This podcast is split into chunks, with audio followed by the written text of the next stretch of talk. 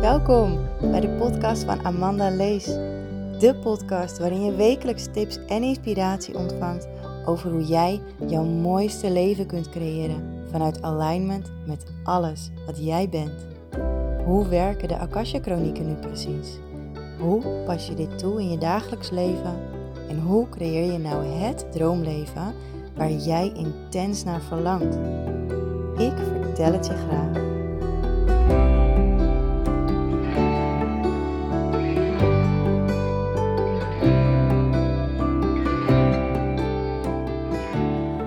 Hey lieve jij, leuk dat je weer luistert. Hier een nieuwe aflevering en in deze aflevering wil ik je iets vertellen. Ehm, over een valkuil waar echt heel veel mensen um, ja, invallen. Om het maar even zo te zeggen. Op de een of andere manier zijn wij mensen um, snel geneigd om antwoorden buiten onszelf te zoeken. Ik zie het heel veel terug in mijn coaching sessies. Um, ik zie het heel veel terug in mezelf ook vroeger. Um, en in mensen om me heen. Want het is zo makkelijk om een antwoord te zoeken buiten jezelf, omdat het lastig is om naar binnen te keren. En als het lastig is om naar binnen te keren, dan is het natuurlijk makkelijker om naar buiten te gaan. Om naar buiten te keren, om, om je blik naar buiten te richten, om daar in je omgeving, bij andere mensen, um, te zoeken naar antwoorden. Uh, een therapeut, een coach, een Akasha reader, hè, zoals ik. Um, een healer, het maakt niet uit. Een ander kan jou vaak antwoorden geven. Je ziet het wel vaak bij mediums. Die, uh, hè, kun je bellen naar zo'n lijn of je kan met ze chatten. En dan is het vaak van, hè, past deze en deze partner bij mij? Of uh, past deze en deze baan bij mij? Of hoe ziet mijn toekomst eruit? Maar waarom zoek je naar bevestiging bij een ander, terwijl het goud gewoon in jezelf zit? In jezelf zitten alle antwoorden waar je naar zoekt. Alleen hebben we nooit geleerd om naar binnen te keren. En dat is wat we nu aan het doen zijn. We zijn massaal aan het ontwaken met z'n allen. De hele wereld wordt wakker. Stukje bij beetje gaan er steeds meer mensen snappen, waaronder ook jij, dat het goud in jezelf zit. De antwoorden liggen in jezelf. Weet je, je kan vragen naar een toekomst, maar er is maar één toekomst en die bepaal je onderweg. En zo zijn er natuurlijk ook nog wel weer honderden toekomsten als je het zo bekijkt, maar ervan uitgaande dat jij op het pad wat je bewandelt, hè, misschien loop je soms wel eens door het bos, ik wel, en dan zonder ook maar na te denken, heb ik soms zoiets van, oh, ik kan hier naar links en ik kan hier naar rechts en ik kan hier rechtdoor. Nou, nu ga ik naar links. En dan neem ik het paadje naar links. En dan zie ik weer andere bomen. Dan kom ik misschien weer op een hele andere plek. En dat is dus ook met toekomst. Soms sta je op een punt in je leven en dan kun je gewoon meerdere keuzes maken. En het, welke keuze je dan maakt, heeft invloed op het pad die je gaat vervolgen. Dus heeft invloed op je toekomst. En sommige dingen, die staan gewoon vast in je toekomst. Die, dat, is gewoon, dat is gewoon zo. Dus of je dan links of rechts gaat of rechtdoor, uiteindelijk met een hele grote omweg kom je bij dat doel terecht. Uh, dan kun je ook wel spreken over een zielsmissie of over een levensdoel of whatever, zoiets.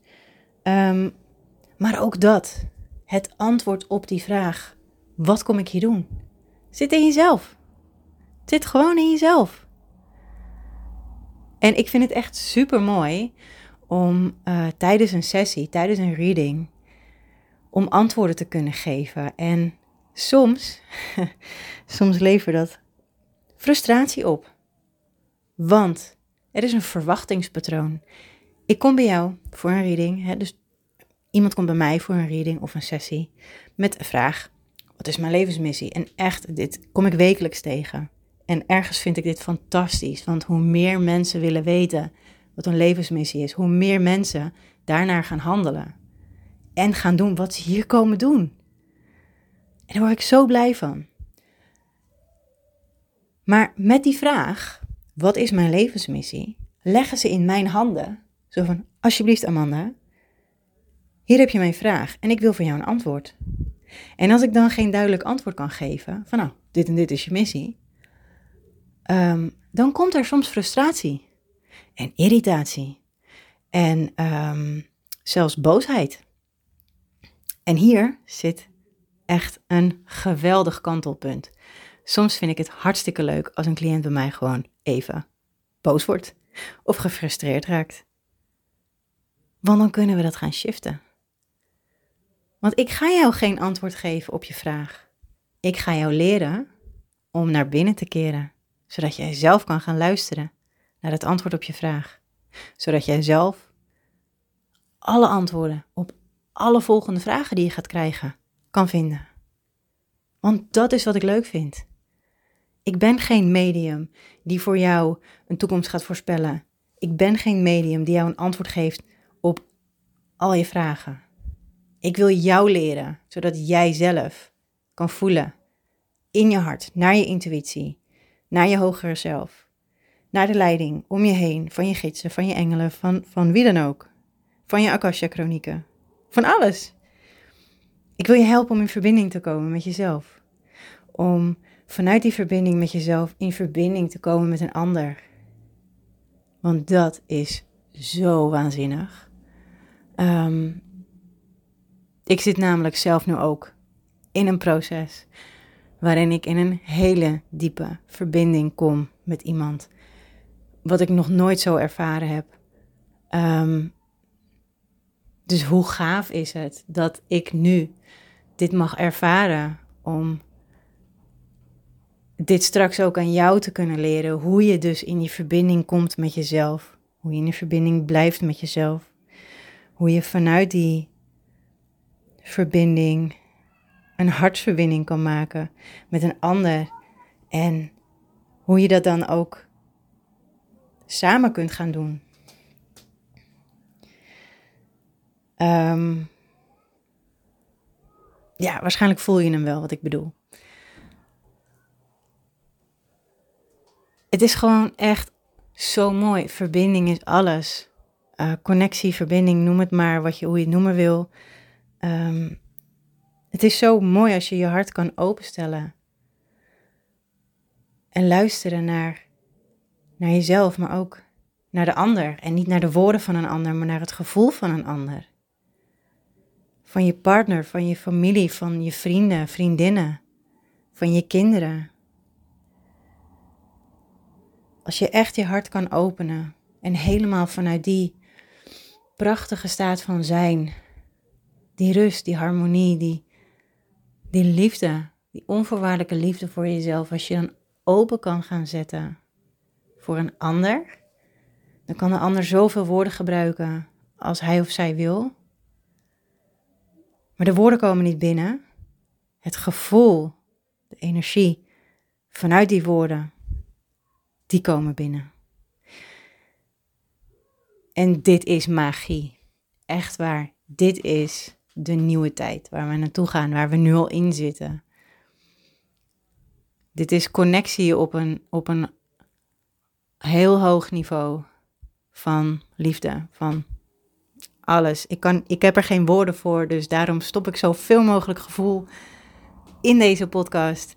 En ik hoop dat je je hart kan openen en hem kan voelen. Dat je hem even binnen laat komen en dat je weet wat ik bedoel. Dat je voelt wat ik bedoel. En, oh, ik hoop dat ik hem nu goed ga zeggen. Ik heb ooit een, ergens iets gelezen. En daar stond tussen wat er wordt gezegd en wat er wordt gedaan. Nou, daar ligt iets.